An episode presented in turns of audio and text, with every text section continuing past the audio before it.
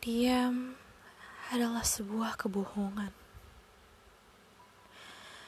Berawal dari kesendirian yang sia-sia, pedihan yang menyayat hati.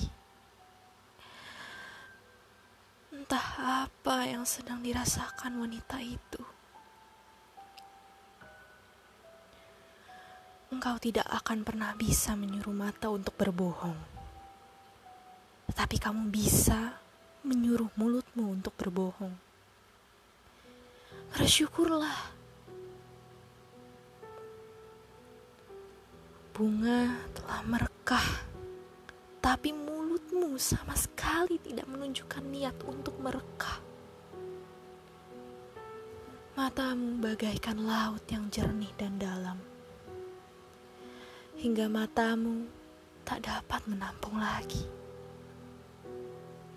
Kata orang, diam adalah tanda baik-baik saja. Tapi tidak bagi wanita itu.